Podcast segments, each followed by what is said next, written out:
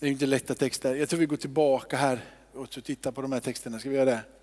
Så här är det, om du går tillbaka till Amos först. Där är det så här att hela poängen med, med, med Amos, eh, med Amos bok, profetboken, handlar egentligen om att människorna eh, väljer att leva för sig själva. Väljer att gå sina egna vägar, de skor sig på varandra. De, de, eh, kan jag vinna någonting på eh, att vara i relation med dig så, så är jag i relation med dig. Man förtrycker den fattige, man går sin egen, man struntar i vad som, vem, vem Gud är. Och, eh, och så kallar Gud Amos. Han är en, en, en, en herde och jag går nog inte i tanken om att han ska bli, bli en stor profet i Juda utan han tänker nog att han, eller Israel, att han tänker nog att det, det där är nog ingenting för mig. Men så kommer Gud och rör vid hans hjärta och han får mod att gå och tala till makt och myndigheter och de som är höga och tala om för er, så här får ni inte bete er. Ni är rika, ni ska ge akt på den fattige. Och det är därifrån som det här kommer, jag hatar era fester säger Herren, på grund av att ni helt enkelt inte bryr er om fattiga. Jag föraktar dem, jag tål inte deras högtider för de är munnar. De lovar mig med sina munnar och de följer alla högtider. De gör de här sakerna som på ytan ser ut som om att de verkligen följer Gud men i sina hjärtan så är de långt ifrån och de gör inte det som är rätt och riktigt. För även om ni offrar både brännoffer och matoffer åt mig har jag ingen glädje i dem. Så vad de än gör och gemenskap som ska föda in dem i relation relation med Gud. Han bara, har ingenting med det att göra. Ta bort dina sångersbuller från mig, jag vill inte höra ditt stränga spel. Det är ungefär som att vi står här och sjunger lovsång men vi går ut där ute och föraktar människor. Vi går ut där ute och tycker att utlänningen är annorlunda. Utbölningen vill vi inte ha någonting att göra med. Och den som inte tycker och tänker som oss, de är det skottpengar på. Gud säger, det spelar ingen roll om du står och sjunger lovsång i all evighet. Om du inte älskar utlänningen och utbölningen och den som är av en annan sort än du. Om du inte älskar dem, inte bara med dina ah, ord utan också med ditt liv. Så är strängmusik ingenting. Pianospel spelar ingen roll och läpparnas lovsång, ingenting har dess värde. Men låt rätten flöda fram som vatten och rättfärdighet som en ständigt rinnande ström. Vi som då är rättfärdiggjorda i, kontexten av Nya Testamentet. Vi tappar egentligen ibland vad rättfärdighet är i Gamla Testamentet. För rättfärdighet handlar om att göra det som är rätt. Du, du, där är en rättfärdig person. Han var en god person. Han var den grannen som, som liksom eh, tog hand om folket på gatan. Han, han, var den här bra personen som alla sa, det här, oj, han ger till den fattige, han tar hand om alla och han är verkligen en gemytlig människa. Det är den rättfärdige i gamla testamentet. Så vi blandar ofta ihop det här. Men i det här så, så handlar det inte om att du rättfärdiggjorde Kristus på grund av din tro. Utan att du blir rättfärdiggjord i Guds ögon och i människors ögon när du gör det som är rätt och riktigt. Alltså du följer lagen. För sättet att visa att du tillhörde Gud i gamla testamentet var att du följde lagen. Nåden som koncept, som i nya testamentet av mottagandet av ovillkorlig kärlek existerar inte i gamla testamentet. Utan i gamla testamentet för att erhålla gunst eller eh, favör och välsignelse från Gud så var du tvungen att följa lagen. Följde du inte lagen så var du på det sättet orättfärdig. Men här säger han, ni ska låta rätten flöda fram som vatten. Rätten och, och, och rättfärdighet som en ständigt rinnande sil. För övrigt, det här blir nästan som en liten undervisning här nu. Jag vill gå igenom de här så får vi se vad jag har, vad jag har kvar på pappret sen. Men vilket fall som helst så är det så här, är det så här att, vet ni, det finns, när, I have a dream. I have a dream. Den här underbara talet från Martin Luther King Jr. Eh, för, mot rasmotsättningarna i USA. Är det på 64 eller vad är det? Ja säkert har du rätt, jag, jag blandar alltid ihop årtal, men någon gång där på 60-talet så är det ju, och, och, och då så har han det här berömda talet, gå ut och lyssna på Youtube, det är rätt häftigt. I have a dream, där, där människors lika värde, I have a dream, medmänsklighet, där, vi, där alla har rätten, både, både eh, svarta och vita, alla människor, kvinnor och män, där mina, där mina barn har rättigheter, där mina, då för de, de svarta hade inte samma rättigheter runt omkring Alabama och flera andra stater. Eh, eh, de satt på olika ställen och så vidare. Men den enda vers av Bibeln som är med i hans tal är vers 24. Kapitel 5 och vers 24. Det är den enda bibelversen som, som är med. För Martin Luther King var ju predikant, han var ju baptistpastor som reser sig upp, ungefär som profeten Amos och talar emot makt och myndigheter och säger att så här får vi inte bete oss, så här ska vi inte behandla varandra. Han kopplar ihop det som är tro med det som är liv, som är temat för idag. Att tro och liv ska hänga ihop. Det går inte. Så de, de vita, de försöker ju säga att det här kommer från Bibeln och det kommer ju inte från Bibeln, men de trodde det kommer från Bibeln. Att, vi, att, liksom, att man skulle ha, ha, ha, slavar i huset. Bara det konceptet av slav i gamla testamentet och en, en historisk kontext runt omkring Israels liksom historia som sammanfattas då bakåt 6000 år och så vidare. Där är inte slav samma sak som slav var på 1800-talet. Till exempel, utan en slav på den tiden hade rättigheter. Det var mer som någon dotter i huset. Så när du kom en slav på, på, på den tiden i Israel runt omkring liksom romarriket eller sådär. Va? Så, och du kom pojke som tillhörde huset och var son till fadern i huset. Och en son som var son till en slav som var i huset. De hade samma kläder och vi liksom var ute och lekte likadant klädda. Det fanns liksom ingen skillnad, bara det att de skulle idag kalla det att de var arbetare. De arbetade. De hade en lön och ofta efter ett tag så blev de frisläppta senare och så vidare. Så det är en helt annat koncept. Och utifrån de rasmotsättningarna så är det ju som det här kommer och då så stiger profeten Martin Luther King fram, precis som profeten Amos och säger nu är det stopp på det här. Tro och liv måste hänga ihop. Amen tog jag fem minuter på den. Okej, okay, kör vi nästa då. Då är det så här, och här är det här, det här, det här är då att lagen då, det som de här Amos-tiden då, va? De, här, de här människorna som då gjorde fel och, var, var, och, och, och som Amos reser sig upp och säger ni får inte förtrycka den fattige. Så, så har du lagen som ligger där då och de förtryckte ändå den fattige. Och på samma sätt så vill Paulus adressera att ni har haft lagen hela tiden. Ni vet vad som är rätt att göra.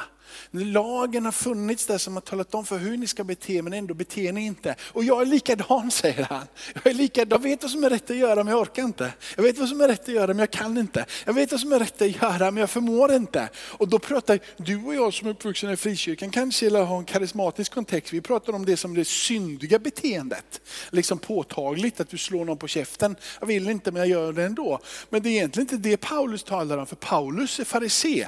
Paulus är en som vet vad rättfärdighet rättfärdighet är att göra det som är gott. Alltså, jag klarar inte ens av att göra det som är gott. Det är inte så han har kraft att stå emot det som är dumt. Det är inte så att Paulus vaknar en morgon och säger nu ska jag råna någon. Nej. Eller Paulus vaknar på morgonen och säger att nu ska jag sticka kniven i någon. Det är inte det han behöver stå emot. Utan det som är i det här är ju att kraften att göra det som är rätt inte ens jag har den kraften. Jag klarar inte av att bara göra det som är rätt, det som är rättfärdigt, det som lagen säger att jag ska göra. Jag har inte ens det, utan jag väljer bort Gud för mina egna vägar. Jag väljer bort, jag förtrycker människor jag också. Jag går och säger, men nu har det kommit någonting som är bättre än lagen. Någonting som kan ge tro och liv på riktigt. Någonting som kan förvandla en människa, inte från utsidan och in, utan från insidan och ut. Nu har någonting kommit som överstiger allting och det är nåden ifrån Gud. Så rubriken inför den här textmassan är vanmakten inför lagen. Det vill säga att lagen kan inte förvandla. Den enda som kan förvandla det är Guds nåd, tro och liv. Det gjorde jag lite snabbare. Nästa. Och här, den här är ju sjukt lurig. För här helt plötsligt, så ni måste bara, det börjar med att du har en man och båda de här, den här mannen har två söner. Det är, det, är, det är inte så att han pratar om en som inte tillhör och en som tillhör. Utan han säger att den här mannen, säger Jesus, han har två söner. Han har två stycken som han älskar, han har två stycken som han tar hand om. Kommer ni ihåg den här berättelsen när, när, när Jesus säger att det var en farisé som stod och bad? Och han säger så här, tackar dig Gud för att jag inte är som dem, tullindrivare och, och allt vad det är. Liksom. Utan att jag är ju så bra för jag gör det här och jag gör det här och jag gör det här. Och de första sakerna som man poängterar innehåller Guds bud. Men på det så har han även lagt det, jag fastar. Det finns ingenstans som det är ett påbud att du måste fasta för att vara en rättrogen jude och följa eh, budorden. Utan det är någonting som människorna har lagt till vid sidan av. Som är bra och nyttigt men som inte är ett bud. Men till och med där står den rättfärdig och säger att oh, jag tackar dig för att jag inte är som dem. Jag gör allting som du säger och jag gör mer än det. Jag till och med fastar fast Gud inte begär det för att vara rättfärdig. Så här har du två söner som båda är inneslutna. Den säger att han inte vill men han gör det ändå. Den andra säger att han vill men han gör det inte. Vilka gör rätt? Och så poängterar han starkt igen. Jag säger sanningen. Tullendrivare, prostituerade ska gå före, in, före er in i Guds rike. Observera igen att han säger inte att de inte kommer in i Guds rike. Men de kommer före. För det handlar inte om vad du gör för att komma in i Guds rike. Utan det handlar om vem du tror på och vem som är din pappa. Vem som är din fader. Vem som omsluter dig på alla sidor och vem som håller dig i din hand. Hur du har kommit i relation med Fadern genom Sonen är det som är det avgörande. Båda två kallar det för söner, men den ene får gå in före. Han säger att han inte vill, men han gör. Den andra säger att han ska göra men inte gör. Tro och liv. Jakobs brev uttrycker det med, är du ordets hörare och görare? Eller är du bara ordets hörare? Har du tro på din insida men det, tron har inte format ditt liv så är det frågan om du verkligen har någon tro. Om inte tron syns, så vad är det då för någon tro? Livet du vet du Kevin som är pappa. Det vill säga ett barn. Om du inte har lärt dig det här än så kommer du lära dig. Och det är så här att barn, de gör ju inte som vi säger. Utan de gör ju som vi gör. De tittar på oss och så gör de likadant. Det är ju det som är det luriga och det är det som är det läskiga. Så det hänger ihop. Det hänger ihop. Samma sak var det med profeten Jesaja, ungefär samma sak som för profeten Amos. Jesaja när han profeterade, ni vet, kommer ni ihåg eh, Jesaja 53, den stora eh, liksom, kapitlet och texten av vad Jesus gjorde på korset. Han dör för oss. Hela försoningens hemlighet ligger där profeterat flera, flera hundra år, eller 700 år innan Kristus kommer i den stilen. Så är det uttalat. Jesaja var under perioden fy, under fyra stycken kungar. Så han var en ganska lång tid. Och han agerade precis på samma sätt som Amos. Han talade ut över hur de eh, bara tänker på sitt eget. De måste komma under den tiden som Jesaja profeterade samma sak. Så var det också en välgång. Det var en bra tid för judarike. Det fanns mycket yttre saker, de hade pengar pengar i överflöd. Men Jesaja går in och säger, ni har glömt av det som är det absolut viktigaste. Samtidigt som den här yttre välgången bredde ut sig och blev, blev till välsignelse för Israel, så reste sig både omoralen, dubbelmoralen, avguderi, ogudaktighet upp hand i hand. Det var som att man slutade ropa och när man väl ropade så var det bara munnen som talade men inte hjärtat. Jesaja går till rätta med detta och han går till rätta med det så in i bänken så att han precis på samma sätt som profeten Amos säger, när ni räcker ut era händer så säger jag att Gud döljer mina, hans Gud döljer mina, sina ögon för er. Så vi kan liksom inte lura Gud med våra munnar. Vi älskar ju att sjunga, sjunga lovsång och tillbe kyrkan och liksom går man fram och tar nattvarden och tar emot av det goda. Men om inte våra hjärtan och våra liv sammanflätar, om inte våra tro och liv är ett med varandra så står det att han blundar för oss. Han säger så här att Eh, eh, talar ut i Herrens namn. Även om ni ber mycket, även om ni ber mycket så kommer jag inte att lyssna på er. Vi kan helt enkelt be hur mycket som helst om inte våra liv matchar med det vi tror så det spelar liksom ingen roll, säger profeten både Amos och profeten Jesaja. Era händer är fulla av blod, tvätta er, gör er rena, tag bort era gärningar från mina ögon, sluta göra det som är ont. Lär er att göra det som är gott, sök det som är rätt. Och sen så säger han så här, den som finns runt omkring er som förtrycker, ni måste tala om att den personen gör fel. Talar ni inte om att den personen gör fel så har ni inte heller tro och liv. Ni ska försvara de faderlösas rätt. Det vill säga när du har människor som kommer och faktiskt är faderlösa, moderlösa, ensamkommande barn. Vår rätt, eller vår skyldighet är att försvara dem och att resa oss upp. Vi kan inte negligera det och strunta i det. Det står att vi måste ta hand om änkan. Den som är änka är vår skyldighet att ta hand om. Matteus evangelisten Matteus, han går så långt så att han pekar på det här, men så, så säger han orden som kommer ifrån Jesu egna mun när han skriver ner, den som är störst bland er ska vara den andres tjänare.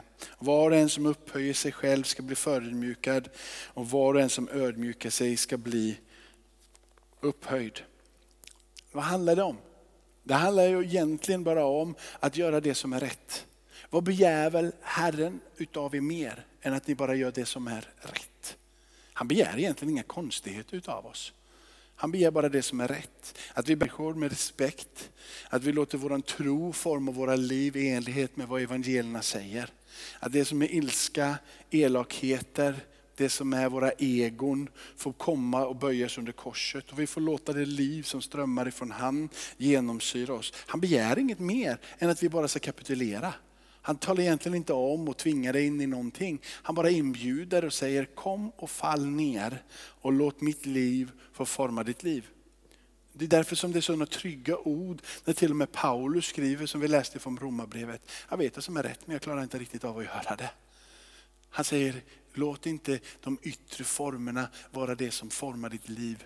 Låt det inre livet, det som är verkligt, få forma dig och göra dig till den som du ska bli. För att bevisa det här för er så eh, tänker jag bara tala ut några bibelord. För det är så här i apostlagärningarna så är det fullt utav att hjälpa. Paulus brev är fullt utav att hjälpa.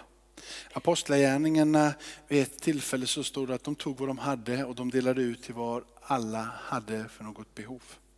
Det står att de delade vidare precis som samma sak som det stod i början av kapitlet, eller i kapitel 2. Samma sak händer igen i kapitel, kapitel 6 innefattar att de dagligen hade utdelning av mat. Kapitel 10 pratar om att Cornelius frikostigt, frikostligt gav sina gåvor till folket och att han bad alltid inför Gud. Återigen så står det att de här gåvorna, alltså tro och liv, hördes upp till himmelen. När Paulus, när Cornelius får höra att eh, genom, genom, genom profeten att orden, att det han har bett, det han har gett har stigit upp inför. Så får han en hälsning och på så sätt så möter han Petrus. Och när han möter Petrus så blir hela hans hus frälst. Alla blir förvandlade. Det började med en gåva och det var bön som blev hörd på grund av gåvan. Agabus, profeten i kapitel 11, går ut och säger det kommer komma en hungersnöd. Ni ska hjälpa bröderna som bor i Judeen och de lyder.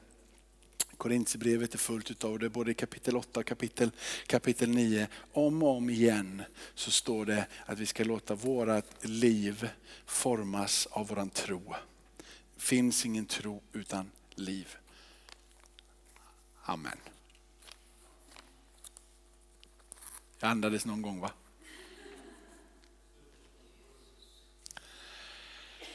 Jag tackar dig Fader i himmelen för att vi får komma till ditt hus och att vi får eh, bli fyllda med ditt ord. Att vi får eh, ta sådana här texter, att vi får förklara det. Vi ber att det skulle få bli livgivande för oss, förvandlande mat, förvandlande eh, mm, eh som Jesus ord. Inte bara de hårda profetordet som reser sig upp, utan det får vara inbäddat i din nåd. Inbäddat i en längtan att låta dig och ditt liv förvandla oss på djupet.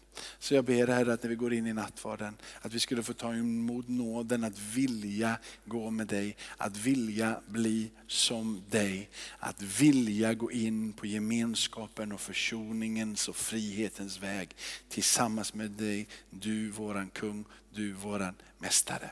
Och så ber jag Herre att under tiden som vi ber för varandra här idag, att bojor ska brytas Herre. Vi ber om helande där smärta finns Herre. Vi ber om upprättelse, vi ber om en profetisk smörjelse där vi kan få tala ord av uppbyggelse, uppmuntran och tröst. Ord som tar oss in i det Gud som du har för oss längre fram. Ord som idag blir startskottet för ett nytt liv tillsammans med dig. Jag ber att det här lokalen och våra liv och hela församlingen skulle fyllas med tro, med hopp i ditt namn Herre. Vi tackar dig för att morgondagen den är ljusare. Morgondagen Herre, där har du förberett för oss Herre, goda saker. Att du är en god Gud och vi vill stiga in och vi vill du är god Herre. Vi vill lämna bitterheten, vi vill lämna mörkret, vi vill lämna det som har gjort att vi har blivit ängsliga, rädda och inte längre vågar. Vi vill kasta ut det, vi vill stänga den dörren och vi vill igen hoppas, tro och längta efter ett helt genomträngande liv fyllt utav dig, helige Ande. Amen, amen.